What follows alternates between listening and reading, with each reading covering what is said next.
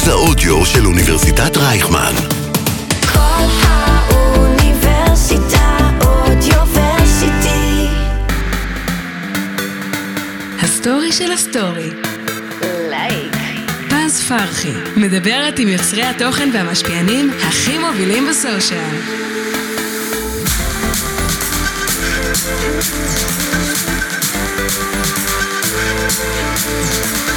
שלום לכולם וברוכים הבאים לפודקאסט שלי, הסטורי של הסטורי. קוראים לי פז פרחי, אני בלוגרית טיולים במשרה מלאה. יש לי בלוג באינסטגרם שבו אני ממליצה על המקומות הכי מיוחדים בישראל ובחו"ל. בפודקאסט יתארחו יוצרי תוכן מובילים ונדבר על נושאים מגוונים שקשורים למאחורי הקלעים של הרשתות החברתיות, טיפים איך להפוך ליוצר תוכן במשרה מלאה, סיפורי הצלחה שאתם חייבים להכיר, ובקיצור, יהיה מעניין. את האמת שהפרק הזה לא היה מתוכנן, אבל אה, בגלל המצב ההזוי והמפתיע שאנחנו נמצאים בו כרגע, החלטתי להקליט לכם פרק עם מומחה סושיאל שיעשה לנו סדר בכל מה שקשור להתנהלות נכונה ברשתות החברתיות בזמן המלחמה, איך גורמים לאלגוריתם לעבוד טוב יותר ולהגיע אה, לכל העולם, איך מדווחים על פייק ניוז, ולמה מלחמה ברשת לא פחות חשובה מהמלחמה שקורית בחוץ. הסטורי של הסטורי. לייק. פז פרחי, מדברת עם יוצרי התוכן והמשפיענים הכי מובילים בסושיאל. אז לפני שנתחיל, אני רוצה להציג לכם את המרואיין שלי לפרק, שהוא מומחה לרשתות חברתיות ויוצר תוכן נדיר. שלום לגל לוי. גל לביא. גל לביא, סליחה, גל לביא. מלא טועים, מלא טועים, כן? תדעי לך. זה כאילו ידוע כן, שכל זה- הזמן הלוי הזה הוא תמיד לוי. לא, זה לוי, זה זה. ל"ב י"ד. נכון, זה עם א' בסוף. נכון. לוי. הנה, את רואה? נכון. יופי. אז בשביל- רק בשביל זה היה שווה להגיע. ממש. אז היי, מה נשמע? שלום, מה קורה? יודעת, תקופה מוזרה. כן. תקופה מוזרה אפילו להגיד בה שאתה בסדר, שאתה בטוב. נכון, בדיוק האמת דיברנו על שאחרי זה. שבועיים, נכון, אנחנו עוד, לא, עוד מעט שלושה שבועות כבר. לתוך המלחמה. אני יכול להגיד שהיום אני בטוב, ביחס נגיד לשבוע הראשון שהוא היה מטלטל. כן, היה קשה לעיכול. וואו, מה זה קשה לעיכול? הוא לא היה, לא היה ניתן לעיכול. אני חושב שכולנו ישבנו נכון. בבית ודמיינו רק את הדברים הכי נוראים שיכולים כולנו לקרות לך. חיכינו לקום מהסיוט הזה, שכולנו קיווינו שזה חלום אחד נכון, רע. סיוט, סיוט, סיוט, סיוט, אה, ו- וגם ברמת תחושת הביטחון, היה פה ערעור מאוד גדול, אני חושב כאבא לילדים, נכון, זהו, מה באתי שקרה זה. שאתה נכנס, גם כשאתה הולך לישון, אתה מדמיין איך פותחים לך את הדלת, אתה נכון. מחפש איפה אתה מתחבא בבית, זה כאילו, זה בעיקר העניין המטלטל. נכון. מעבר לזוועות שנ- שהיו שם, ולאלפי הרוגים, ולחיילים שלנו ולחטופים שלנו, לגמרי. אז היום אחרי שלושה שבועות אני יכול להגיד שאני כבר קצת יותר בטוב, במיוחד שאנחנו פה היום בעשייה. נכון. אה, קצת חוזרים, מנסים לחזור כן, ככה לשגרה. וגם מה שהוכיח את עצמו בשבוע וחצי האחרונים זה שכוחנו באחדותנו, פתאום ההסברה הפכה להיות יותר חיובית, יותר לדבר על ישראל מבחינת הכוח שלנו כעם, כצבא, משהו מאוד התערער בשבוע הראשון. נכון. במיוחד בגלל התגובה המאוד איטית שקיבלנו מהממשלה, מהרשויות, מה, זה מהצבא, מת- משרת ההסברה, שאחרי נכון. חמישה ימים החליטה להתעורר ו... וגם להתפטר בסוף. ולהתפטר בסוף, נכון. כי הבינה שהיא באמת לא לא עושה כלום. נכון, אני חושב שהיא גם התפטרה לא כי היא לא עושה כלום, היא התפטרה כי... כי היה לחץ, ויש איזושהי ציפייה שכרגע לא מדברים עליה, מהממשלה, מה, מהרשויות, מהביטחון, מרשת הביטחון, זה שהיום שאחרי נרצה לקבל תשובות, היום זה לא הזמן, אנחנו לא רוצים את התשובות האלה, אנחנו לא מחפשים נכון. רגע לדעת מי אשם, מי אחראי, אבל אני חושב ששרת ההסברה הבינה, בברזל החם, מה שנקרא, כן. שכרגע היא צריכה לספק את הסחורה. היא צריכה לספק סחורה, ובגלל שהיא לא מספקת, היא חייבת לקום וללכת, כי אחרת השם שלה לא. יצליח להחזיק ממשלה בפעם הבאה. זאת אומרת, בפעם הבאה היא לא תיבחר אפילו לא בבחירות הפנימיות של הליכוד, נכון. היא לא תיבחר בגלל שהיא עושה לעצמה הרס עצמי. בעיניי, אגב, בעולם יחסי ציבור, זו הייתה החלטה מאוד חכמה להתפטר. כן? מאוד חכמה. אתה לא חושב שאת פשוט צריכה רגע להתעורר ולהגיד, אולי אני איכשהו כן ייזום ואני כן אעשה? לא. אני חושב שאם הייתי הדובר שלה, הייתי אומר לה, תקשיבי, יש מצב שאת נמצאת כרגע בנקודת אל-חזור, שאת צריכה כרגע לבחור האם את מתפטרת ושומרת על השם שלך, או, אמ, וכאילו קופצת מתישהו בהזדמנות חכמה, או שאת מנסה להציל אותו. אגב, בנט עשה את זה, נכון. הוא התפטר, הוא יצא מהממשלה, והוא, וזה מוכיח כמה זה היה חכם היום. היום הוא עושה סרטוני הסברה. נכון. מטורפים. וזה מוסיף לו, כי אם עכשיו הוא לא היה מתפטר בממשלה והוא ממשיך יושב היה לו באופוזיציה, לא טוב. וכולם היו זוכרים את זה שהוא בגד בבוגדה, בגד במצביעה וישב בשש כן. מנדטים להיות ראש ממשלה, היינו זוכרים את האימפקט הזה. והוא עשה צעד מאוד מאוד חכם. אתה יודע, בסוף הם צריכים להקשיב לדוברים שלהם. כן, עוד מישהו צריך להקשיב לדובר שלו. כן. אני לא אגיד את שמו. כן. אוקיי, אז ככה, בוא נתחיל בשאלה ראשונה שממש מעניין אותי. יאללה. מה אתה אומר? כמו שאנחנו יודעים שכמות המוסלמית, המוסלמים בעולם עומד על 1.6 מיליארד, מול 15.2 מיליון יהודים, שזה פער ויחס נכון, מטורף. נכון. ובאמת אפשר לראות את הפער הזה ברחבי הרשת, אם זה בתגובות, אם זה בדיווחים על אה, עמודים ישראלים, אם זה בסרטוני הסברה. יש דרך להתגבר על הפער המטורף הזה שאנחנו שמים לב שיש ברשת, וכן לגרום עדיין להיות שכל מיני סרטונים ישראלים ופה ישראלים שמסבירים על מה קורה פה, יקבלו חשיפה מתאימה ומותאמת, או שאתה אומר שהמלחמה הזאת כבר מראש אנחנו מפסידים בה, כי אין מה לעשות, הכמות משחקת פה תפקיד גדול מאוד. בוא, בוא, בוא נחלק את זה לשניים. קודם כל, אני אקח את המשפט האחרון שלך ואני אגיד שאין ספק שהכמות משחקת פה תפקיד. האם זה אבוד מראש? אני כאילו לא בא לי להוריד, לא בא לי להוריד לאנשים שממש את המורל. נלחמים וכאילו ממש מייצרים סרטונים ועורכים וכותבים וחושבים, מביאים רעיונות. אני לא, קשה לי להגיד שאם זה אבוד מראש, אבל הכמות משחקת פה תפקיד חד משמעי. כן, בכל דבר. אמ, וחשוב גם, אני חושב שחשוב להגיד את זה במיוחד אם יש לנו מאזינים שהם לא יהודים, אוקיי? כן. אמ, שיש הכל מהכל, זאת אומרת, יש מוסלמים שהם תומכי ישראל, נכון. אוקיי? אה, יש יהודים שהם לא תומכי ישראל, הם לא נכון. גרים פה אמנם, אה, חלק אולי גם וגם כן. שגרים פה. לא נדבר עליהם, הם לא. לא ראויים אפילו לאזכור. ממש. אמ, ואני חושב שברגע שיש, בכל דבר בעולם, שיש יחס כזה ופער כזה עצום, כן. אז זה קצת מרגיש כמו אבוד מראש. אבל מה שאנחנו צריכים להבין, וזה בעצם הדבר הכי חשוב, זה שכשאנחנו מדברים על, על אינסטגרם, על, על פייסבוק וגם על טיק טוק, אנחנו כפופים למדיניות. זאת אומרת, זה לא משנה מה יש יותר. אם יש מוסלמים יותר, אה, יהודים יותר, צ'רקסים יותר, זה לא מעניין את האלגוריתם. כן. מה שמעניין את האלגוריתם, כשאנחנו נגיד רוצים להילחם ולייצר סרטוני הסברה, כשאנחנו מדברים באמת על הכמויות האלה, אז אנחנו מדברים בעיקר על זה שיש מדיניות בתוך התוכן, שבמידה ומישהו עובר על המדיניות, אז התוכן יהיה, אז יסירו את התוכן מהרשת. זאת אומרת שגם אם עכשיו היה טריליון יהודים, כן. והתוכן היה עובר על המדיניות, אם זה עכשיו פייק ניוז, או סוגיה חברתית מאוד קשה, תמונות גרפיות, לראות אלימות, עירום, ילדים אה, חשופים באופן מלא, זה דברים שלא משנה מה היה היחס בעולם מבחינת כן. ה- ה- ה- הדת, העדה, whatever, הם לא יהיו נשארים ברשת. ובגלל זה אני חושב שיש פה משהו שנורא נורא חשוב להבהיר ביחס אה, לאינסטגרם, ביחס למטא כן. בכלל. מטא לא תוקפת צעד, היא לא נוקפת אה, משהו ביחס כלפי פרו-פלסטין או פרו-ישראל, היא לא זה עושה קטע, את זה. כי בימים האחרונים אני רואה פתאום כל מיני משפיענים ויוצרת ראש שכאילו כן...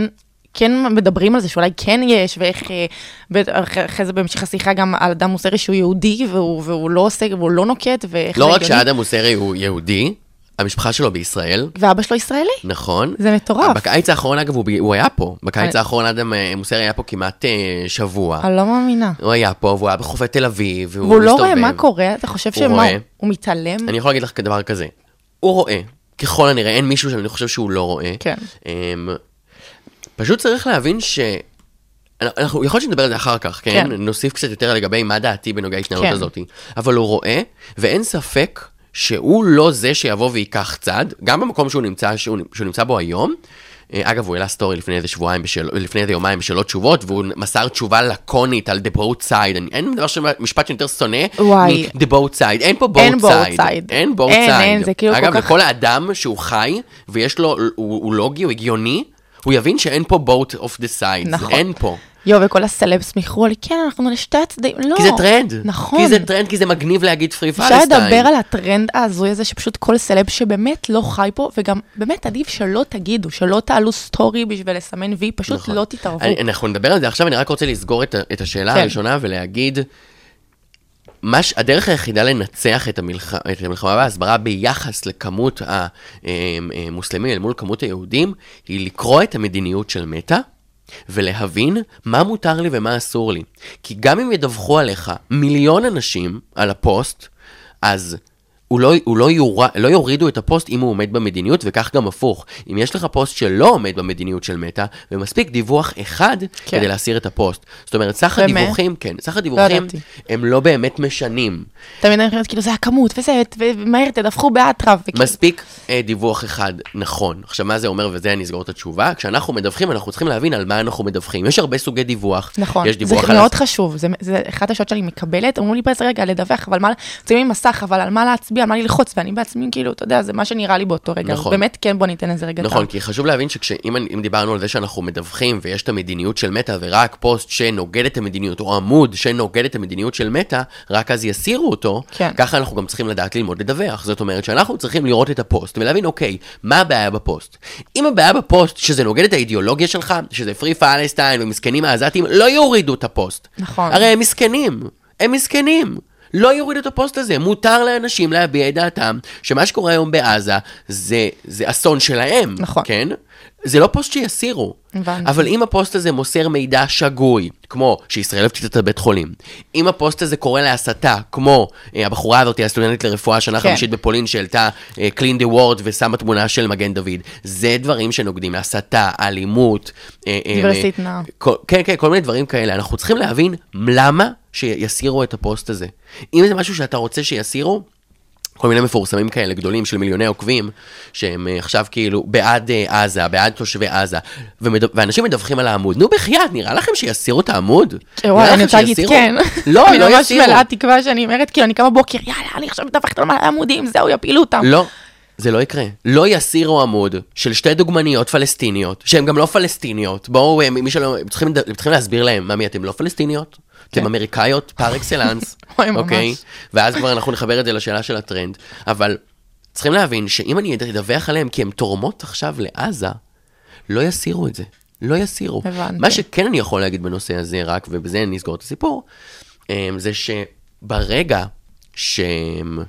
שיש המון המון המון המון המון דיווחים, ואינסטגרם ומטא מזהה שיש המון דיווחים, עשרות אלפי דיווחים, כן. הם יעצרו את החשבון. הם לא ימחקו אותו, הם לא ישביתו אותו, הם יגבילו אותו. השרתים בסוף יש להם יכולת, יש להם קופסיטי מסוימת. הבנתי. אז כדי להגיע להבנה למה יש כל כך הרבה דיווחים, אתם רגע יעצרו את החשבון ויגידו, אוקיי, היה פה עכשיו 50 אלף דיווחים. למה היה 50 אלף דיווחים? בואו רגע נעצור את העמוד ובואו נבדוק זה את זה. מה שקרה לפני שבוע, 24 שעות לא יכולתי לעשות שום פעולה. ולא רק את. ולא רק דניאל. עמית אתמול העלתה שהיא לא יכולה וקרן סרטונים. שחם. באמת? אה, כן, המון המון אנשים. ככל שהעמוד שלך גדול יותר, ככה הסיכוי שלו לקבל הרבה יותר דיווחים, כי כמו שאנחנו מטרגטים עמודים שהם. פרו-פלסטינים, ככה גם הם עושים. ופה נכנס כבר העניין של הכמות, כי בשנייה שאנחנו נגיב, עשרת אלפים ידווחו על העמוד, אז העמוד יושבת ל-24 שעות, או יוגבל להגיב, לשלוח פוסטים, להעלות סרטונים, או whatever, ואז יחזור לעצמו. אם אנחנו רוצים להצליח, אנחנו צריכים לדווח על פוסטים ספציפיים ולהבין למה צריך לתת להם למה סיבה. אנחנו מדווחים עליהם ואיפה הם עוברים על המדיניות. בגלל זה אני חושב שתקראו את המדיניות של מטא, תבינו הם, למה אתם רוצים לדווח על הפוסט, למה הוא פוגע במה שהוא פוגע, ואם זה עכשיו משהו שבא לעודד את האזרחים הפלסטינים, לא יעזור לכם גם אם תבחרו. גם אם 6 מיליון אה, ישראלים וואי, זה. מעניין, אוקיי. סבבה? זה זה שוב, מעניין. זה שבלוני, אין פה ימין, אין פה שמאלה, אין, פה, כן. אין פה העדפה. לא של אדם מוסרי, לא מרק צוקרברג, לא מטא בישראל, לא... אין פה אתה לא העדפה. חושב שאדם צריך קצת, קצת, ש... לא יבחר צד באופן רשמי, אבל משהו יבוא לקראתנו, יעשה איזה אפילו סטורי של, לא יודע, אני מבין אתכם לבכם, אני הייתי פה, כאילו, אתה אומר, אבא שלו ישראלי. כאילו, אתה לא חושב שהיה צריך לעשות סתם משהו, סולידריות כלשהי מסוימת? אני חושב שכל אדם שמעריך את האנושות היה צריך לדבר כנגד מה שקרה ב... מה שקרה אז איך אתה מסביר את בדרום. זה? אני מסביר את זה בגלל שהמלחמה כבר היום היא לא מה שקרה בדרום. זאת אומרת, המומנט הזה עבר של 1,300 נרצחים, 200 חטופים, משפחות שנהרסו, מדינה אז איך שקרסה. סלבס מהעולם מתעלמים? הם מתעלמים בגלל שהם מפחדים. הם מי- מתים מפחד. שמה יקרה? שעד הרגע אמרת, יש מיליארד מוסלמים. מי, מי, בסוף מי, מי, מי מוציא את הארנק? אז יש כולם מוציאים את הארנק ומשלמים, אבל אם עכשיו זמרת, שהיא סופר אה, קונבנציונלית, כמו נגיד טיילור סוויפט, או כמו ביונסה, כן. ירימו עכשיו ויגידו, אני בעד ישראל, הסיכוי שהם ישרדו את התקופה הקרובה היא נמוכה, הם ברור שהם יצליחו, הם יישארו מצליחות. ובסוף זה פחד. גם גל גדות, עד המלחמה האחרונה, הייתה סופר לקונית. נכון. הייתה לקונית. ממש. עוד פעם ה both of the sides הזה, עוד פעם הנה אני ורגע, לא רק זה. במלחמה הקודמת, ממש התחילה את לא. לא, לא, לא, לא, היא, המלחמה, גם במל- במלחמה הנוכחית, איך שהיא התחילה, היא כבר הייתה 100% איתנו, פשוט נורא קל. היה לה משהו בניסוח. לא, זה לא היה משהו בניסוח כן? בעיניי. לא, כי, כי זה פשוט אנחנו, זה, זה, זה נורא זה ישראלי. הישראליות. זה נורא ישראלי לבוא ולהגיד, אם את לא אומרת שימותו כל הערבים, אז את לא איתנו. נכון. אבל בואו, נשמות. יש כאלה שלא יהיו מוכנים להגיד את זה. נכון. והיא בסוף צריכה לשמור על הפאסון שלה, והיא... ונכון, אני כן אגיד שאני מרגיש שהיא עשתה שינוי אחרי שהיה שם את הקטע הזה מול אופירה אסייג כן, וזה וזה. שהיא הייתה הרבה יותר... שבכלל, ממש עשתה סטורי נכון, שלם על זה, שזה נכון. כאילו, וואו, ממש תהיגה אז אותה. היא לא באה והעלתה עכשיו... אה, כאילו כרגיל. נכון שהפוסט הראשוני שלה היה משני הצדדים, כן. אבל הוא לא היה על שני הצדדים, הוא היה כאילו על, ה- על האזרחים התמימים שבעזה שהם פה נפגעים בגלל אבל, החמאס. אבל כסטורי ראשון, להתחיל, רגע, את מבינה את הזוועות. אנשים פה באטרף, לא מעכלים מה שקורה, ואת רושמת, אה, גם על ידים הפלסטינים וגם על ידים הישראלים, אבל מבחינתי זה לא עבר. אבל את מסכימה איתי שבסוף כנראה שהיא לא מקבלת את כל ההחלטות? שיש זה גם- מאחוריה גופים שמשלמים לה מיליונים, כן. שהיא חייבת לעמוד בפניהם, ואז קרה מה שקרה, ואז היא הבינה שהיא לא יכולה יותר, וגם אם היא תסכן משהו, נכון. אז היא עומדת מאחורי הדבר זה היה הזה. השלב שאמרתי, וואלה, זה, זה כף זכות, באמת, נכון, כאילו, אז אני אומר, בשבילה. זה קצת כאילו נורא ישראלי לבוא ולדרוש הכל. כאילו, גם נגיד עכשיו ששחררו את החטופות הראשונות. אז שחררו את החטופות הראשונות, ואנחנו כישראלים מצויים אמרו, למה האמריקאיות? למה עם כאילו, נו, דרכון זר? באמת, זה כאילו יש משהו נורא ישראלי בשנותנים לך עצות, אתה רוצה את הכל ליד. כן. שחררו שניים שהם נחטפו בבית שלנו, בשטח שלנו, נכון. מעיר שלנו. תפסיקו להיות כאילו, תגידו תודה. כן. וזה גם מה שקורה גם עם העולם, ואני חושב שכל אדם אנושי צריך לגנות את מה שקרה בדרום, אבל זה גם לא מכעיס אותי לדעת שיש אנשים שמגנים, או יותר נכון, אומרים שמה שקורה בעזה הם מסכנים. את דעתי אני לא יכול להגיד כרגע בפודקאסט, סבבה?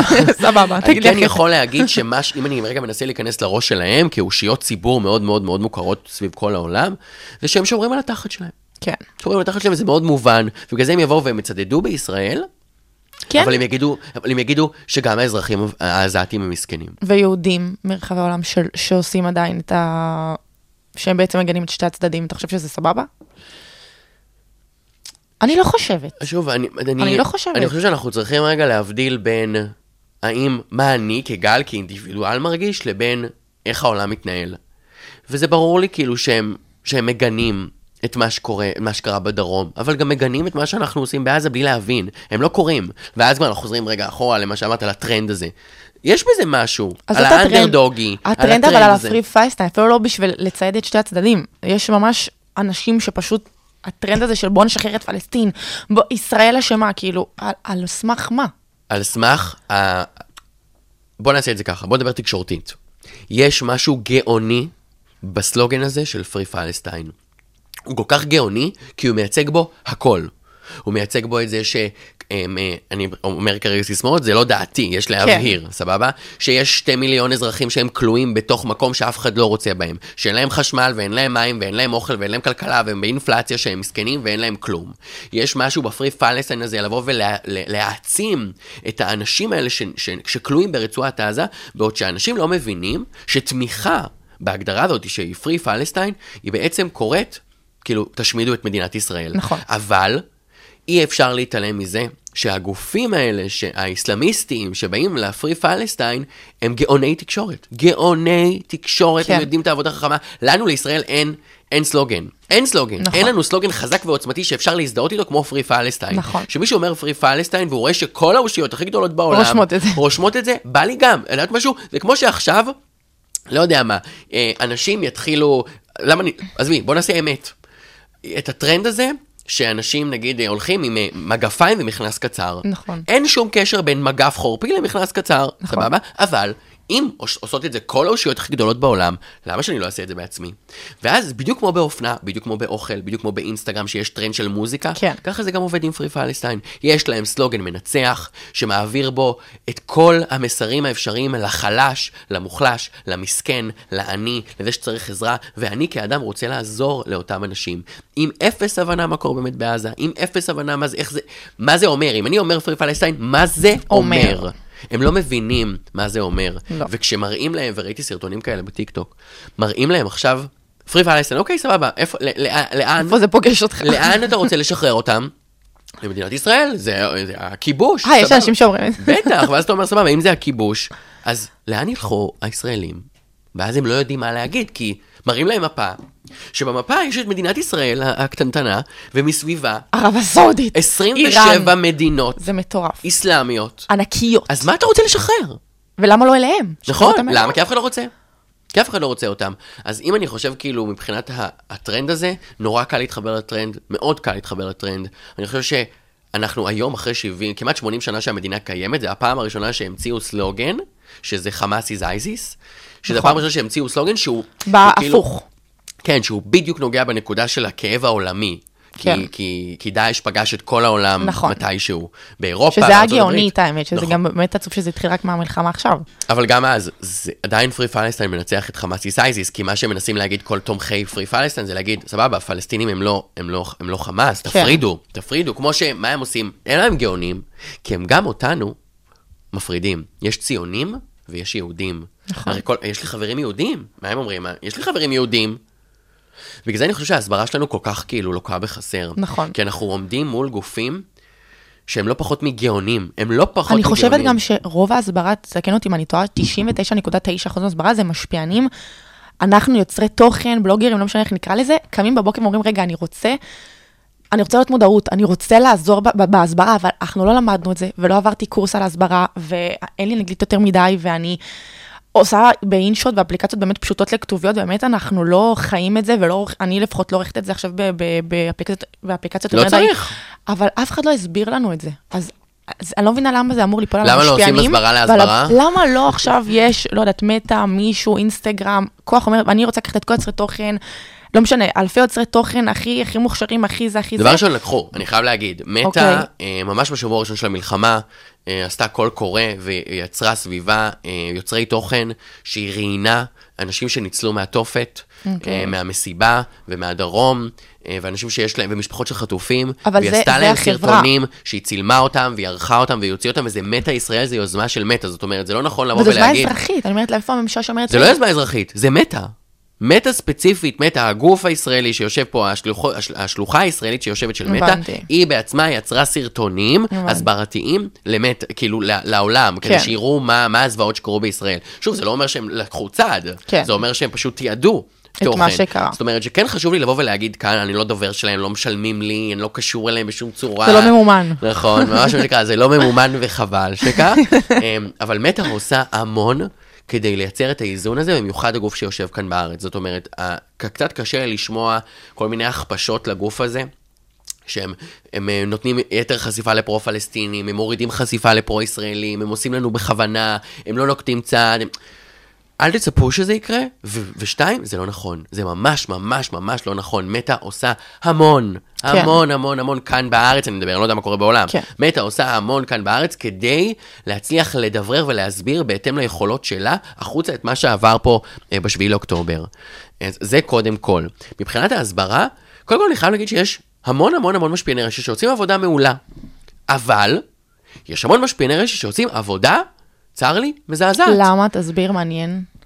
באיזה קטע? מה, בוא- מה אתה בואי- מצביע על תוכן הסברתי טוב ומקצועי לתוכן הסברתי שעדיף שלא תעלה? בוא נעשה את זה ככה, ולדעתי גם יש שאלה כזאת, נכון? של איך עושים תוכן הסברה נכון? יופי, אז בוא נעשה את זה ככה. לנו. הדבר הראשון שאנחנו צריכים להבין בהסברה, וזה לא משנה אם אתה יודע לערוך, יודע לדבר, יודע אנגלית, רוסית, ספרדית, זה לא מעניין אותי. כן. הדבר הראשון שאנחנו רוצים לעשות בהסברה, זה להבין למי אני מסביר. זה הדבר הראשון שאני צריך להבין, למי אני מסביר. האם אני מסביר לישראלים? האם אני מסביר לאמריקאים? האם אני מסביר לעולם? אני מסביר לארץ? אני מסביר לערבים? למי אני מסביר? הבנתי. זה הדבר הראשון שצריך לעשות, מי קהל היעד שלי, ממש כמו בשיווק. זה ממש כמו בשיווק. מי קהל היעד שלי? מה? למי אני הולך להסביר? אחרי שאני מבין למי אני רוצה להסביר, אני צריך להבין מה אני רוצה להסביר. כי בסוף ההסברה היא לא רק ישראל אה, אה, היא הקורבן טובה. פה, היא הכי טובה פה, היא המסכנה פה, אתם צריכים להיות בעד ישראל, אנחנו הטובים והם הרעים. זה לא הסברה, הסברה זה הכל. אני בתוכן שלי באינסטגרם, ההסברה שלי היא איך להסביר. נכון. ולכן התוכן שלי יהיה תמיד בעברית, תמיד לישראלים, תמיד כתוב בשפה העברית. הוא גם הסביר את ההסברה, הוא לעולם לא יבוא ויעשות באנגלית. כי אני מבין שהקהל שלי הוא קהל ישראלי, אז הדבר הראשון זה להבין למי אתה רוצה לעשות הסברה, הבנתי. והדבר השני, זה להבין מה אתה רוצה להסביר. כאילו לבוא ולהראות את התמונות הזוועתיות האלה. יש אה, עמוד, כן, אני ראיתי את זה בימים הראשונים. יש, עכשיו, עדיין זה קורה, אגב, יש עמוד של משפיענית רשת, שכל מה שהיא עושה בעמוד שלה, זה להעלות את הזוועות שקרו בדרום. אימא'לה. עכשיו, היא לא רק שהיא מעלה את כל הזוועות שקרו בדרום, היא מעלה אותן בעברית. זה כאילו למי את מראה את זה? אז אני אומר לעצמי, יפה שלי, תעצרי רגע. מה את מראה פה? למי את מראה פה? את מה? יואו, אתה מה זה צודק. את, את מראה תמונות זוועתיות בדרום, לישראלים, בעברית, בשביל מי ובשביל מה? אני יודע מה קרה, יותר מזה שאני יודע בשביל מה, אני לא רוצה לראות את זה. נכון. מה, לגרום לי עוד יותר. להיכנס למקום של... אני יודע שהיה שם חרא, אני יודע שהיה שם טבח, אני יודע שרצחו שם משפחות שלמות, אני יודע שהרסו וגדעו חיים של אנשים שהם לא היו קשורים בשום צורה למערך הזה, נכון. ואפילו יש הרבה שמועות שהם אפילו היו בצד נגדי, שהם אפילו היו שמאלנים, נכון. בצלם, whatever. נכון. אז למי את מסבירה? תחדלו את השיח בעברית על הזוועות בדרום, תחדלו את זה. וואי, זו נקודה כל כך חשובה. זה, זה, כן. אני ראיתי סרטונים בהתחלה, גם, זה, ואתה גם עשית על איזה פוסט, איזה נכון, סטורי, ואני נכון. אמרתי, יואו, ממש חשבתי על זה, אמרתי, זה כאילו, למה לעשות? למה לעוד סרטונים? והתיאור בעברית, והכל בעברית, אבל ואנחנו אז ננצח. למי? אבל בגלל אני אומר, קודם כל תביני למי. את רוצה עכשיו לדברר את הזוועות של הדרום החוצה לעולם? סבבה, אז את כבר מבינה שהקהל שלך הוא עולמי. הדבר השני שרוצה להבין שזה הזוועות של הדרום, תביני איך את מדברת את השפה העולמית. את נכון. רוצה לדבר על השפה העולמית? תכתבי בעברית. גם על הסרטון. למה צריך כתוביות על הסרטון? על... על, על כל מה שקרה שם, להיכנס עכשיו לבית בבארי, לצלם את הבית בבארי, לראות אדם על הרצפה ולכתוב גם תמלול בעברית וגם תמלול בעברית. לא רוצה באנגלית. לדעת בעברית. גם בעברית, גם באנגלית. כן. אין צורך בעברית. אני יודעת, בואו נעשה את זה הפוך על הפוך, כשאנשים שאלו אותי לפני המלחמה, התוכן שלפעמים מגיע להודו, לאנגליה, לארצות הברית, איך אני מונע את זה? אז אני אומר, תפסיקו לרשום באנגלית, אשטגים באנגלית לא רלוונטי. נכון. עברית מרחיקה תושבי חוץ. בדיוק, אז זה בדיוק אומר הפוך. רוצים לדברר החוצה תוכן? רק שפה זרה. לא עברית, לא אשטגים בעברית, כלום, כלום, כלום. כלום, זה לא רלוונטי. רוצה לדברר החוצה? דבררי החוצה. נכון.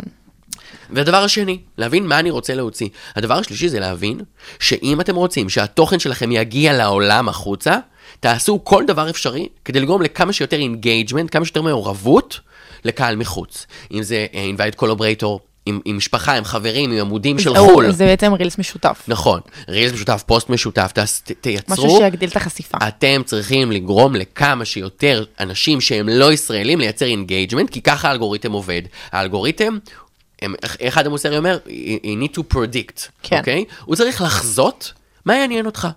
once יש לי לייקים, תגובות, שיתופים, שמירות מישראלים, הוא חוזה שמי שמעניין אותו זה לישראלים. אז אתה אומר שזה לא רק התוכן עצמו, זה גם עכשיו אני מעלה סרטון, אני אומרת לקהילה שלי, לכו תגיבו. אם עכשיו מגיבים עם ישראל חי דברים בעברית, אז אתה אומר נכון. שיכול להיות שפשוט זה יישאר, ב... נכון. וצריך שהם יגיבו באנגלית. נכון. לא רק שהם צריכים יגיבו באנגלית, הם צריכים לייצר מצב שהם משתפים את התוכן כדי לקבל כמה שיותר מעורבות, אבל בעיקר לעודד מעורבות של אנשים שלא גרים בישראל. הבנתי. זה מה שהם צריכים לעשות. ברמת הלוקיישן, במקום לתייג תל אביב, תתייגו לונדון, תתייגו פריז, הבנתי. תתייגו עזה, תתייגו תוכן, תגרמו, תגרמו לאלגוריתם להבין את מי זה אמור לעניין. once אתם רושמים בעברית, אתם מתייגים בארי, אתם עכשיו אה, אה, אה, כותבים טקסטים בעברית, כותבים את הקפשן, את התיאור בעברית, עושים אשטגים בעברית, האלגוריתם מבין. והוא לא מבין שזה תוכן של מלחמה, הוא לא מבין שזה תוכן שאמור להגיע לעולם, כן. הוא אמור לגרום לנו ליהנות, זה מטרת האלגוריתם, שאנחנו נהנה מה, מה, מהשהייה שלנו. כדי לצרוך כמה שיותר תוכן ופרסומות, נכון? כן. אם הוא מזהה שישראלים אוהבים את התוכן, והתוכן בעברית, למי הוא מיועד? לישראלים. זה לא שאנחנו גרים בארצות הברית ואנגלית מיועד לכל העולם כי כולם יודעים אנגלית. עברית, יש מדינה אחת בעולם שמדברת את השפה הזאת וזה כאן. נכון. יהיה עברית, יבינו שזה מיועד לכאן. אז אם את משפיענית ואת בטעות שומעת אותנו, ואת מעלה תוכן הסברתי בעברית, תחדלי. את לא תגיעי לשום מקום. יפה שלי, את לא תגיעי לשום מקום. את תישארי פה. אתם רוצים להגיע לעולם? אתם רוצים לעשות את זה? תחברו אתכם עם עמודים מחו"ל, מהקטנים ביותר. אם יש לכם עכשיו בת דודה שגרה בפריז, ויש לה עכשיו חכם. 300 עוקבים, שמתוכם 100, זה אנשים שעובדים איתה בעבודה. זה אנשים שיכולים לייצר אינטראקציה שתעזור לאלגוריתם להבין שהתוכן הזה צריך להיחשף בפריז. אבל מה הם עושים? עושים עם עצמם. נכון. יאללה, מעלים, כדי להיות, הנה, אני חלק, אני חלק. את לא, את לא חלק, מאמי, את, את לא. אתה מרגיש שיש משפיענים ויוצרי תוכן שכאילו, לא יודעים להגיד, אבל עושים את זה בשביל קטע של הנה אני מעלה, ולא בהכרח בשביל באמת. בטח. לה... כן? בטח. גם אני מרגישה את זה. בטח שיש, יש, בואו נעשה את זה ככה. המלחמה, בואו נשווה אותה אמ, רק, רק לצורכם, כן. כן, כן שטחיים. של השוואה. כן. המלחמה הזאת היא הזדמנות בדיוק כמו הקורונה. אנשים בבית תקועים, משעמם להם, הם חצי בחרדה, חצי לא מבינים לאן החיים שלהם ילכו אחרי המלחמה, מתי זה ייגמר, כמה זמן זה יימשך, החוסר ודאות. בדיוק כמו הקורונה. וואי. ויש כאן ניצול הזדמנות, אני לא מדבר על ניצול לרעה, אני מדבר באופן כללי. כן. ניצול הזדמנות שמי שיעבוד חכם, זוהי נקודת הפריצה שלו. יש עמוד שאני מכיר, שעלה מ-50 אלף ל-200 אלף עוקבים בזכות המלחמה, אימא'לה, אוקיי? זה מטורף. כי זה ניצול הזדמנות מאוד מאוד מאוד חכם. משפיענים בארץ מבינים שיש להם את ההזדמנות לקבל את החשיפה הזאת לטובתם לעתיד. וכשאתה רואה שהם מעלים תוכן, זה כאילו באיזשהו מקום, יכול להיות שזה גם מרים מתוך- גבה אפילו. לא, לא, לא מרים גבה, יכול להיות שזה מאיזשהו מקום כזה של מעורר כזה, בגלל שהם כל כך בחרדה והם רוצים כאילו לשפוך את שעל ליבם, אז כן. במקום ללכת לטיפול, אז הם מעלים עשרות פוסטים ביום. כן. אבל זה, זה, זה לא מועיל, כי באיזשהו, מר- באיזשהו מקום זה קצת מרגיש, זה או שהם מטומטמים והם לא מבינים איך האלגוריתם עובד, ואתה אומר, די, יש לך 200 אלף עוקבים, איך זה הגיוני שאת מטומטמת ואת לא מכירה את כן, האלגוריתם? נכון. מצד שני, אתה אומר, כאילו שאם את רוצה שהתוכן שלך יגיע קדימה, למה לא עכשיו להתחבר עם עוד שלושה משפיענים שיש להם 200 אלף עוקבים ולהעלות את אותו הריל כולם ביחד כדי לייצר אקסטרה חשיפה? פסיכי. למה את צריכה... או אתה צריך, כן? כן. אני לא, אני סתם, אין מה לעשות, כן. האינסטגרם שייך לנשים. נכון. אבל למה אתה או את לוקחים עכשיו סרטון שראיתם אצל מישהו אחר ומעלים אותו, למה לחלק את החשיפה? למה לחלק את המשאבים? למה להגיע למצב כזה שאת מקבלת 3,000 לייקים, היא מקבלת 5,000 לייקים, הוא מקבל 2,000 לייקים, במקום לייצר מצב שאפשר להגיע ל-10,000 לייקים. זה, אני חושבת שיש פה, כמה שזה שהתחיל להגיד, יש פה קצת אפילו עניין של אגו. כי בסוף אתה אומר, למה שאני לא אעלה את זה ויקבל יותר ויגרום לקהילה שלי שיעשו לי לייקים וישתפו את הרילס שלי, ברור. ובאמת הוא, הוא יתפוצץ והוא ילך טוב, כי גם הקהילה והעוקבים באטרף, אתה נכון. אומר להם, אה, זה לא סתם על אה, קמפיין. נכון. אתה, אנחנו צריכים, אתה צריך להגיב, אתה נכון. מרגיש שליחות מסוימת. נכון, וזה מה שקורה. במקום לקחת ולנצח את החשיפה בזה שהם לוקחים את כל המשאבים של כולם ומנצלים אותם יחד, זה קצת מרגיש שכל אחד כאילו דואג לעצמו. כן. עכשיו, אני, אני בטוח שזה לא מאה אחוז נכון. בטוח יש גם, יש באמת אבל תחושת אני אומר, שליחות אני מסוימת. אומר פה, אם יש משפיענים שרוצים להמשיך להעלות תוכן כדי להגדיל את, ה, את ההסברה בישראל, אל תעלו תוכן לבד עם עצמכם. תעשו, תעשו, תעשו שיתוף פעולה. נכון. אגב, אחד מהמגמות של 2024, אני כל פעם לפני סוף שנה, אני מסתכל על המגמות שאמורות להיות באינסטגרם, כדי, באמת, כדי לחנך את הקהל, כן. אה, איך עובדים נכון עם הרשת החברתית. ואחד המגמות הגדולות שצמחו השנה ויהיו נקודות מפתח בשנה הבאה, היא Invite Collaborator, היא תוכן משותף, היא שיתוף פעולה בין יוצרים, לא שיתוף פעולה בין מותגים, אלא בין יוצרים, אלא להגיע למצב שאני ואת עושים ביחד תוכן, שיעלה בעמוד של שנינו, כי זה חלק מהקהילתיות הזאת שאנחנו מחפשים, כי גדל, גדל כאן דור, דור האלפא, כן. שעיקר התקשורת שלו זה ברשתות חברתיות. תהיה דיגיטלית. זאת אומרת, אין צורך במפגשים חברתיים. וכש... זה מטורף זה. וכשאם אני ואת פעם היינו אפילו מייצר, עושים ביחד אה, תמונה ומפתחים ביחד שתי תמונות שיהיה לכל אחד באלבום שלו, אז הצעד הבא של 2024, של, של שנת 20, 2030, היא לייצר מצב שהתוכן שלנו נשמר יחד בפיד של שנינו. והקהל, אלה שיש להם כוח ברשת, כנראה לא עדיין לא מבינים את זה. נכון. שהם מחלקים את המשאבים. נכון. אל תחלקו משאבים. כאילו, גם כאילו, התוכן הזה כבר מגיע לכולם, אז למה לא, תייצרו תוכן חדש. נכון. תייצרו תוכן חדש. זהו, אתה חושב באמת שיוצרי תוכן משפיענים צריכים ליצור בעצמם תוכן, או שזה. בסדר גם שפשוט ייקחו, כמו שאני רואה הרבה מהסרטונים שלוקחים את זה מהעולם, או ממאגרים של סרטוני הסברה, מעלים את זה וזהו, ופשוט משגרים. או שאתה חושב שכן צריך רגע להשקיע את הקריאייטיב ולעשות, אני רואה הרבה יוצרי תוכן שכן עושים את זה, למשל דדי קלים, אתה עוקב אחריה. בטח. יושבת כל היום, עורכת, מצלמת, כאילו זה מאוד מאוד נכון. ייחודי ו... ו... אינסטגרם אמ, מחזקת תוכן אה, אותנטי. מה הכוונה לאותנטי? שאתה יצרת אותו. כן. תחשבי שאנשים שמעלים עכשיו רילס, סרטונים כאילו של, אה, אה, בוא נדבר בערבית שעכשיו רץ ברשת, או כל מיני סרטונים כאלה של, ה, אה, של אה, שרואים שקיות של גופות שלא נדע, וכל מיני דברים כאלה, כן. הם מקבלים את זה בוואטסאפ, או ראו את זה בעמוד אחר, ומעלים. הם מורידים ומעלים, למה? נכון. למה? תעלי את זה בסטורי שלך, ותרשמי להם, רוצו להגיב, רוצו להגביר חשיפה. דוקטור פיל, כן. יש לו כמה מיליוני עוקבים, נכון. העלה סרטון. נכון. עכשיו, אנשים, פתאום אני רואה יוצרת ישראלית שלקחה את הסרטון שלו והעלתה. למה? יואו, אני ראיתי גם על יוסף חדד, אם- שזה הכי, שהוא כאילו הכי אבל חזק. יוסף חלד, בואי, גם אצלו יש אה, בעיקר עוקבים ישראלים, זה לא עמוד כזה. אבל אני מדבר לא, על לק- דוקטור פיל, שהוא הסרט- דמות אמריקאית. נכון. באמת, הוא, הוא האופרה ווינפרי הזכר, שכל העוקבים שלו הם תושבי חוץ. נכון. כל העוקבים שלו הם אמריקאים ושאר העולם. זו ההזדמנות שלנו לחזק את התוכן כדי שהוא יגיע לכמה שיותר אנשים, כי כאן טמון הפוטנציאל בהסברה עולמית. נכון. לא כי אם כל המקסימות האלה של הביוטי יעלו לי את הסרטון הזה, זה לא יגיע לשום מקום. נכון. זה לא יגיע. תח... תעלו לסטורי שלכם את הסרטון הזה, של העמוד הבינלאומי, ותחזקו אותו. נכון. תגידו לעוקבים שלכם לחזק אותו.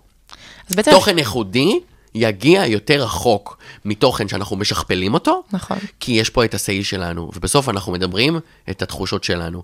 דנ, אה, דנית גרינברג עשתה את זה נכון. אה, אתמול או שלשום, העלתה תוכן הסברתי ערוך מדהים, באנגלית, על אה, איך קוראים לה? גרטה. רחוק, וגם אף אחד לא יכול לגנוב אותו. נכון. כי הוא שלה. נכון. וזה בדיוק, וזה בדיוק הסוד מאחורי. בעצם אז באמת, זה גם ממש כזה מרגיע אותי, כי, כי לא הייתי באטרף על להעלות רילסים, כי באמת אני בסטורי באטרף ואני מעלה, והקהילה שלי יודעת, אני עשיתי פינה, אבל מי צריך לדווח, על מי צריך לפרגן, למי צריך זה, למי צריך זה, ובאמת לא העליתי הרבה, יצא לי ארבע רילסים. אומרת, זה סבבה, כי אם אני לא בעצמי יוצרת את התוכן ואני, אין לי אנגלית מספיק טובה, אז במקום לעשות פדיחות, אני אחזק סרטונים אחרים שכן עושים את זה טוב. נכון?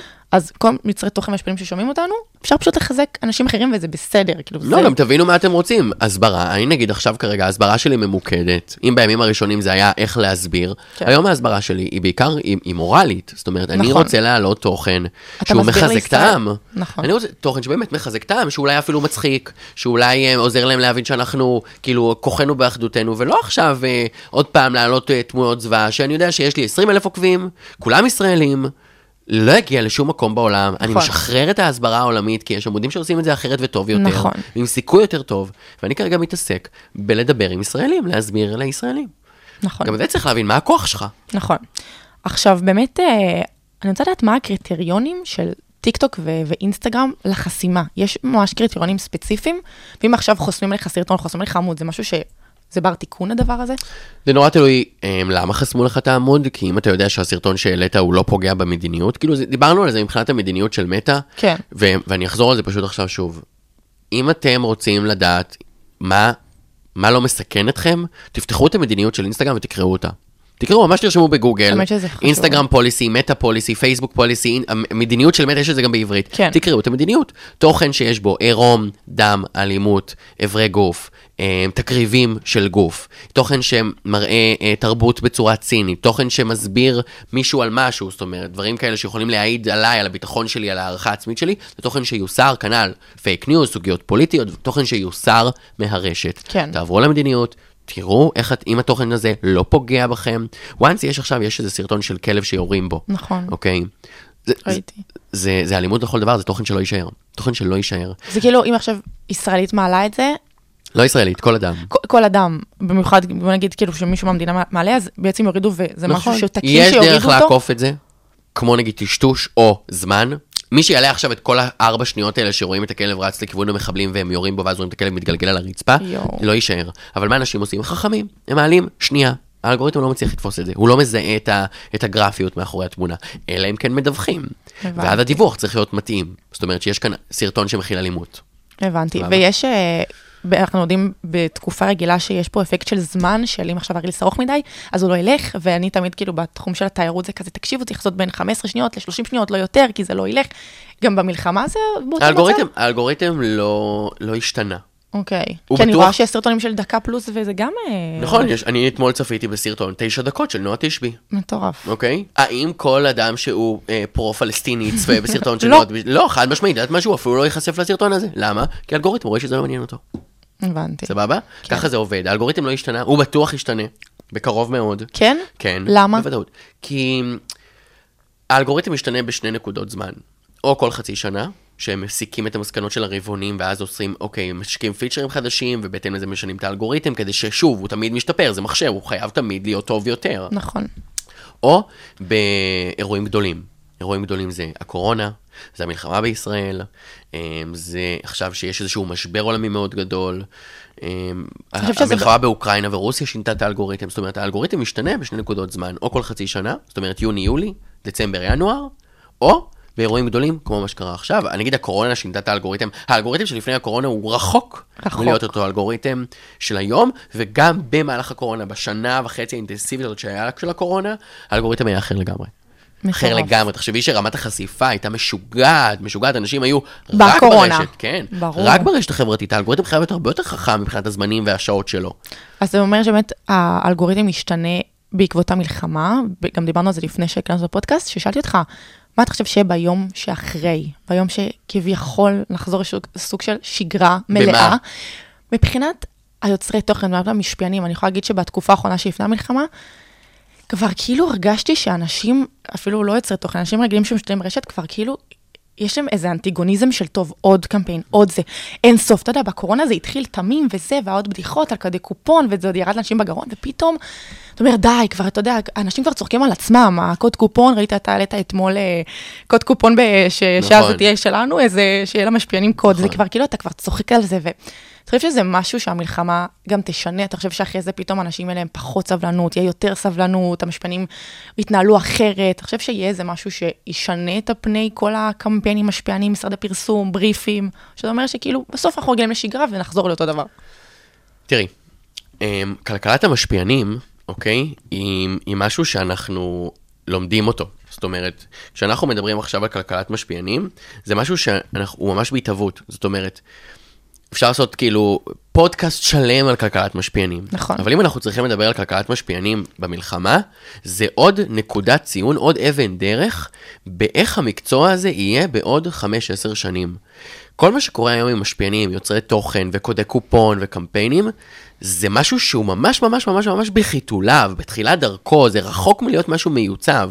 זאת אומרת שאנחנו נכנסנו לתחום, גדלים לתחום חדש שהומצא לחלוטין. המצאנו אותו לגמרי. נכון, והילדים שלנו יגדלו לזה שזה, שזה עבודה לכל שזה דבר. עבודה. שזה לא מרגש אותם להיות יוצר תוכן, זה ממש יכולת לבחור. מה אני רוצה להיות? משפיען, יוצר תוכן, עורך דין, רופא, וככה יהיה בעוד 20 מטורף. שנה. היום כל דבר, כל דבר שקורה בעולם, אם זה הקורונה, אם זה המלחמה, אם זה ריבים בין משפיענים, זה דברים שישפיעו על כלכלת המשפיענים. האם זה יחזור? כמובן שקודי קופון יחזרו, כמובן שיהיה קמפיינים באוויר. האם זה יהיה הדבר האחרון שאנשים יעשו? חד משמעית. המשפיעני רשת הם הגוף אה, שהכי נפגע במלחמה הזאת. למה? כי אין להם שום דבר יציב, אין להם עבודה יציבה, כאילו יש להם עבודה יציבה כשאין מלחמה. נכון. אבל אין להם, יש משהו שיהיה הכי קל, הכי מהר להכפיש יוצרי תוכן, שיחזרו לעבוד ביצירת תוכן אה, אה, של פנאי, בידור ופאן. בזמן שיש לחימה בישראל, כי המלחמה הזאת לא קרובה להיגמר בחודשים הקרובים. ואנחנו צריכים, כאילו, אני, יכול להיות שאני מוסר פה את המסר לעם, אנחנו צריכים להכיל את העובדה שיוצרי תוכן, משפיעני רשת, זה עבודה לכל דבר. נכון. והם כנראה יחזרו לעבוד כבר בקרוב, כי הם חייבים לפרנס את עצמם. כי זה כבר, כבר טחנו את זה שזה פרנסה, טחנו את זה שזה העבודה שלהם, טחנו את זה כבר, ואני מבין ש... ואחרי שטחנו שנתיים, שאמרנו, זה עבודה לכל דבר, עכשיו, נכון. עכשיו אנחנו צריכים להוכיח את זה. האם המסר הזה שזה פרנסה לכל דבר בזמן לחימה, שמישהו יעלה עכשיו קמפיין עם קוד קופון, אנחנו לא. נעשה לו לינץ' ונקרא לו את הצורה, כי איך אתה מעז להעלות קמפיין בזמן לחימה. אז אני אומר דבר כזה, כמו שעורך דין הולך למשרד, כמו. שהייטקיסט פותח את המחשב, כמו שאין לי מושג, כמו שרופא הולך לבית חולים, ככה גם משפיען אמור לפתוח מתישהו לצאת בקרוב, מחל"ת. נכון, ולהס- לפתוח את המצלמה ולהתחיל למכור. אז כמובן שזה צריך להיות רגיש, וצריך להיות עדין, וצריך להיות מותאם ככל הנראה בהתחלה, והוא לא out of the way, out כן. of the blue יתחיל לעשות קמפיינים של fun, כן. אבל זה צריך להתחיל לקרות, ואנחנו כעם ניבחן פה איך אנחנו נקבל את זה, ושוב, זה יהיה עוד אבן דרך, עוד נקודה. של כלכלת המשפיענים לטווח הארוך. עכשיו אנחנו מעצבים מקצוע שבעוד עשר שנים כנראה יהיה יציב. היום הוא לא יציב, אנחנו, כל מלחמה קטנה, בין אם זה ביניהם, בין אם זה בעולם, בין אם זה ממש. ממש מעצבת מחדש על איך המקצוע הזה ייראה בעתיד. וואי, יש, וואו. אוקיי, תשובה לפנים. כן. ממש חידשת לי, יפה מאוד. אתה חושב שמשרדי פרסום גם כאילו כבר הם בקטע שכבר לחשוב על הדבר, כי בסוף אה, משפיען יכול עד מחר לפתוח מצלמה ולעשות, אבל בסוף גם צריך ש, שהמשרדים ייפתחו, ואתה חושב שאנחנו הולכים לאט לאט לכיוון הזה, שאתה אומר, יש עוד זמן, יכול גם לקחת חודשים, ו... אמ, אני לא חושב שתהיה ברירה. כאילו, די, ממשיכים. נכון. כאילו, בואי, כאילו, 9-11, אוקיי? האסון הכי גדול שידעה הברית, נכון. כאילו, מאז כאילו פרל ארבור בערך. בסוף ממשיכים. ממשיכים, ממשיכים, כאילו, מה נעשה? באמת, מה נעשה? אין מה לעשות, זה המציאות שלנו. נכון. אני מקווה שאחרי המלחמה הזאת, המציאות תרגיש לעד. אפילו שהיא משתנה, אוקיי? כי אנחנו, אנחנו הבנו שזה לא של שקט אה, תחת שקט, שקט בעד שקט, כל הדבר הזה. נכון. אני, אני פשוט, אני פשוט, שוב, אני, הכל יחזור. השאלה איך אנחנו נקבל את זה, איך הם יעשו את זה, באיזה מדרגיות הם יעשו את זה. אמ, וצריך לדעת לקבל את זה, זה בדיוק כאילו, נכון. זה, זה הנקודה, זה כל כך נכון. צריך לדעת לקבל את זה. פה העם יימדד, כי בסוף גם בשגרה הוא רוצה לצרוך את התוכן הזה, וכל הזמן אני זוכרת גם שנדיר אליהו אמר, אמר, הוא התפטר מהעבודה, אמר, אני חייב, אתם רוצים את התוכן הזה? אני לא מעלה יום, שולחים לו ברבק, למה אתה לא מעלה? והוא אומר, הנה, אתם רוצים, זה גם בשבילכם, אז נכון. זה, יקרה ביום של אחרי, נכון. אי אפשר, כי אם... אם הם לא יקבלו את זה, אז הוא צריך ללכת לעבודה כשכיר, והוא לא יכול לעלות כל היום תוכן וליצור ולחשוב ולצלם ולערוך. לא, ש- זה, זה, זה, זה ממש יד רוחצת יד. זאת נכון. אומרת, אם אתם רוצים תוכן שבא לכם לצחוק ממנו, להתרגש ממנו, לבכות ממנו, אתם צריכים להבין שמישהו צריך לפרנס את זה. נכון. ומי שיפרנס את זה, זה אותם כאילו משפיענים. האם אנחנו פנויים כרגע לקנות? אני לא זה- יודע. נכון. זה כבר הצד השני של המתרס. זאת אומרת, יכול להיות שהמשפיען כבר היום יכול להעלות קמפיין שהוא אומר, הנה הבגדים, הנה בוא נעשה עול קניות. האם הצד השני שעוקב יהיה זמין רגשית לרכוש את מה שאתה מוציא? אני עדיין לא יודע. יכול להיות שהעם צריך עוד קצת זמן. כן. יכול להיות שאם הייתי צריך להיות בצד מקבלי ההחלטות, כרגע הקמפיינים שאני הייתי לוקח הם קמפיינים של awareness, של העלאת מודעות, כן. והם לא קמפיינים של, כאילו, של brand. performance, כאילו, של, של, של תוצאות. כן. אמ, כי גם, גם את זה צריך פתאום להרגיל מחדש, להבין. נכון. שיכול להיות שבמלחמה הבאה, אם תהיה כזו, בוא נקווה שלא, שגם כבר במהלך המלחמה היו קמפיינים של brand awareness, כן, של brand awareness, ולא נכון. performance. נכון. טוב, אנחנו לקראת סיום, גל, זה עבר לי ממש מהר. כן, אז מאוד ככה- מהר. ממש מהר, יש לי איזה משחקון. אני הולכת להגיד לך משפט, ואתה אומר לי אם הוא נכון או לא נכון. יאללה. אינסטגרם מקדמת תכנים פרו-פלסטינים יותר מפרו-ישראלים. אבל אני כמובן לא שזה לא נכון, וענינו על זה. נכון. אה, עדיף שיהיה כתוביות באנגלית או בעברית הסרטון עצמו, בכללי לא חייב שיהיה כתוביות, והסרטון יכול לעבוד גם רק עם תיאור למטה. בסרטוני הסברה אני מדברת. כל סרטון, בלי קשר להסברה, גם, גם אחרי, גם off כאילו מלחמה, צריך להיות כתוביות בסרטון, זה מוסיף. אמ, אמנם 83% מהאנשים צופים בתוכן עם סאונד, לפי מחקרים שמטה ערכו. עם סאונד? עם סאונד, כן. אני בשוק. כן, אנחנו חשבתי מדברים, על. אנחנו מדברים על צפיית הריל, לא על, לא על פיד. כן. ממש נכנסים לריל וצופים בריל, צופים, 83% צופים עם סאונד. אז כמובן חשוב שיהיה כתוביות, כי זה תמיד עוזר לאנשים להחליט אם הם רוצים לפתוח את הסאונד או לא, וכמו שאמרתי מקודם, זה גם מקרב או מרחיק קהל מסוים.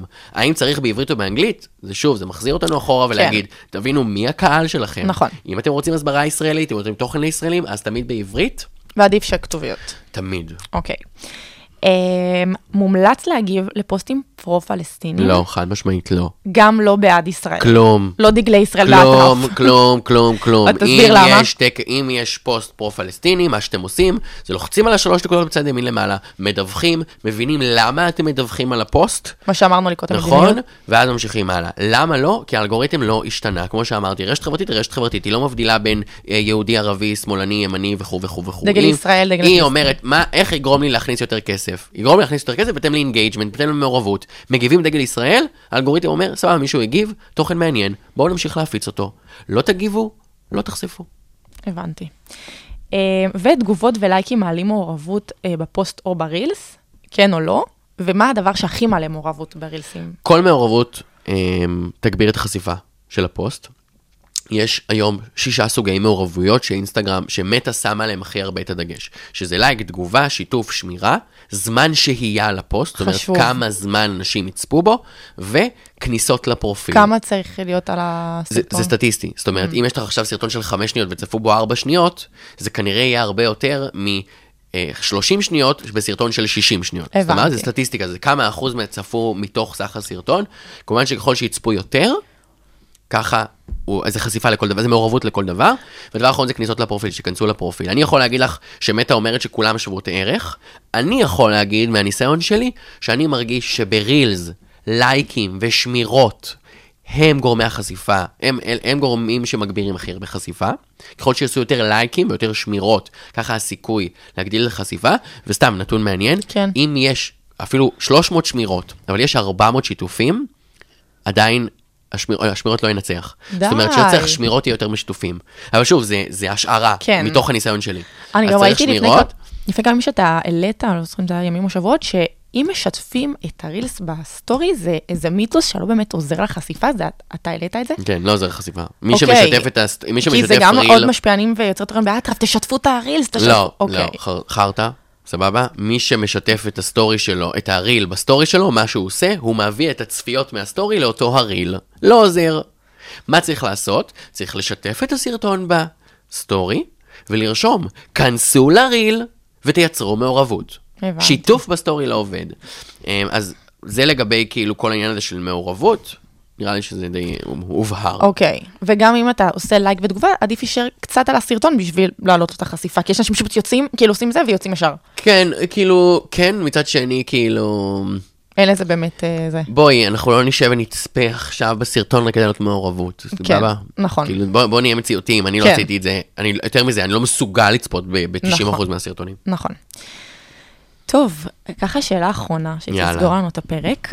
אה, זו לא שאלה, זה יותר, אה, מה הטיפ שלך לכל אחד ששומע אותנו עכשיו ורוצה לתרום בהסברה ברשתות? מה היית אומר לו? זה לא בהכרח יוצר תוכן, זה כל בן אדם ששומע, ואומר, אני רוצה לעזור, מה הדבר שהכי כדאי שיעשו ברשת? טיפ, אפילו שלושה טיפים. שתי טיפים, מה שעולה לך. אמ, אני חושב שהדבר שאני הייתי רוצה להגיד לכל האנשים שרוצים לעזור, זה קודם כל להבין למה אתה מסוגל. כן, בסדר? זה לא לחשוש שאתה יכול, עם חשבון של 200 עוקבים, להעלות סרטון באנגלית ולצפות שהוא יגיע לאנשהו. אוקיי? כנראה שמי שעוקב אחריך זה הדודות והחברים, כן. וסרטון שלך לא יגיע הברית, בסדר? אז תבין קודם כל מה היכולות שלך. כן. האם אני חשבון גדול, חשבון קטן, האם יש לי עוקבים מחו"ל, האם יש לי עוקבים מהארץ, כאילו, מה אני יכול, מה אני מסוגל, מה היכולות שלי. אחרי שאתה מבין מה היכולות שלך, אתה מבין במה אתה טוב בו. האם אני טוב בלהסביר לישראלים דברים שיכולים לעבוד להם, או האם אני טוב אולי באנגלית, אולי יש לי עוד שפה, אולי אני בכלל דובר ספרדית מהבית, דובר רוסית מהבית, ויכול להיות שפה אולי תתת הסברה. אמ, ולנסות לא לעבוד על אוטומט. הרי בשבועיים הראשונים אנחנו היינו בסוג של אטרף, ועבדנו על אוטומט. ממש. כל, כל, אני, לפחות אצלי, אני מאמין שגם זה היה אצלך, קיבלנו עשרות תיוגים מהאנשים שצריכים אפודים, ארוחות. מנות. אה, אנשים שנעדרים. נכון, וכאילו. ואז היה מין כזה עבודה על כמו טייס אוטומטי, לא נכון. משנה מה תהיגו אותך, שיתפת, לא משנה מה עשית, ראית, לא משנה... וגם בהתחלה כולנו היינו מעלים קולין, כאילו, של תרומות והכל, ואז פתאום אחרי איזה שבוע, שבוע וחצי פתאום אמרתי, רגע, אבל אני צריכה יותר לסנן, אני צריכה יותר להבין מה אני מעלה. ולסן, לדעת את לא יודעת מה, את מי את, למי את, למי עכשיו את נותנת, סבבה, אני אשתף עכשיו סטורי לתרומות, מי זה? מי הגוף שמקבל את נכון, הכסף? נכון. צריכים, צריכים לפתח איזושהי חשדנות מסוימת כלפי נכון. הדבר הזה. אני באופן אישי, שיתפתי רק ביום הראשון, ביום השני כבר לא הייתי מסוגל אפילו לפתוח את הטלפון. אמ, אתה כאילו כועס עצמך על זה? זה משהו שאתה אומר, כאילו, הייתי צריך לפעול אחרת, יכול להיות שפגעתי בי בחשיפה, פגעתי בזה, כאילו, בפן של אינסטגרם, איך הוא רואה את זה. אני מרגיש שיכול להיות ש... אני אומר את זה קצת בלב כואב, אני מרגיש שיכול להיות שפספסתי את ההזדמנות שלי. אה, לצמוח ברשת אה, בצל המלחמה, כי ראיתי את החשיפה, אבל הייתי צריך כרגע לקבל החלטה בין שני דברים. הנפש שלי והמשפחה שלי, או העמוד אינסטגרם שלי והעוקבים שלי. וואי, זה, זה מה זה... זה כל כך נכון, זה גם פוגש אותנו לא רק במלחמה, נכון, בכללי, נכון, כאילו, ואני אה, חושב ש- שיוצר תוכן שאין לזה סוף. אני חושב שבחרתי בנפש שלי, היה לי ימים מאוד מאוד מאוד קשים, לא יכלתי, עברנו דברים גם ברמה המשפחתית, ולא הייתי מסוגל לחשוב של איך אני משיג עכשיו עוד אלפיים יוצר עוקבים. אמרתי לעצמי, גל, אתה אבא לשניים, יש לך אישה בבית בחופשת לידה, אתה אדם עם לב ונפש שעבר דברים וראה דברים שנפש של אדם לא מוכנה להכיל את זה, אתה צריך לבחור מה יותר חשוב, האינסטגרם שלך, או המשפחה שלך והנפש שלך, ובחרתי בנפש שלי, אני לא מתחרט על זה לרגע. חד יש משמעית. רגעים שזה עולה לי כזה בקטע של אולי פספסתי את ההזדמנות, כי ראיתי אנשים צומחים בטרור, אמרתי, וואי, איך הם צמחו, ואני לא, מין כזה... כזה משהו בלב. נכון, אבל אני אומר לעצמי, שטויות. יכול להיות, שה... יכול להיות שהיום לא הייתי מחייך. חד להיות שהייתי משמעית. שבור וכבוי, ואגב, ראיתי את זה על פרופורציה. משפיענים הפוכים, שנתנו שבוע טירוף, עכשיו הם כאילו והם גמורים. שבורים.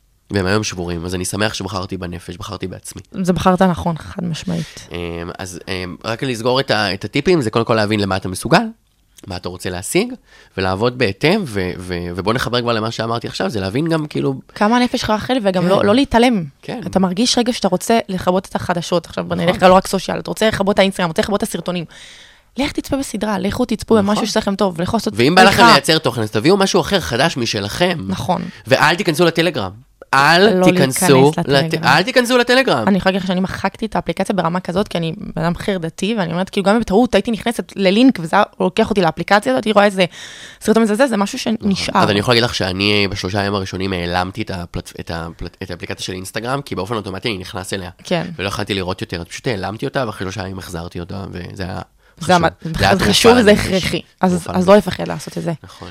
יואו, גלוש, היה לי מדהים ומלמד, ועשית לי. סדר באמת בטירוף, אני מקווה גם שהצופים ששומעים אותנו. שהם קיבלו הצליחו. לשרוד ממש. כמות מלל של, של ספר. לגמרי, אבל חשוב בטירוף, במיוחד בתקופה הזאת. נכון. וזהו, שנדע ימים שקטים יותר ורגועים יותר, אמן. שהתקופה הזאת תהיה מאחורינו וננצח. ונראה את כולם בבית. אמן. נראה את כולם בבית. אמן, שעוד שנה נראה אה, בשלום. כתבות על כל החטופים שחזרו. נכון, אמן. תודה, גלוש. תודה פז שהזמנת אותי. אני מקווה שהשיחה עם גל אבי עזרה לכם להבין איך נכון ויעיל להתמודד במצב הזה שאנחנו נמצאים בו. אני מאחלת לכולנו שנעבור את התקופה הזאת מחוזקים וטובים יותר. החיילים שלנו בחוץ נלחמים, אה, נלחמים בשבילנו על המדינה, ואנחנו, יש לנו תפקיד לא פחות חשוב, שזה לנצח במלחמה הזאת שקורית כרגע ברשת. אם יש לכם שאלות על כל דבר בנושא שדיברנו בפרק, אתם מוזמנים לרשום לי או לגל באינסטגרם, אני משאיר לכם את הלינקים לאינסטגרם שלנו בתיאור הפודקאסט. אה, וזהו, שנדע ימים טובים יותר, ושנזכור שאין לנו ארץ אחרת. הסטורי של הסטורי. לייק. פז פרחי, מדברת עם יוצרי התוכן והמשפיענים הכי מובילים בסושיאל.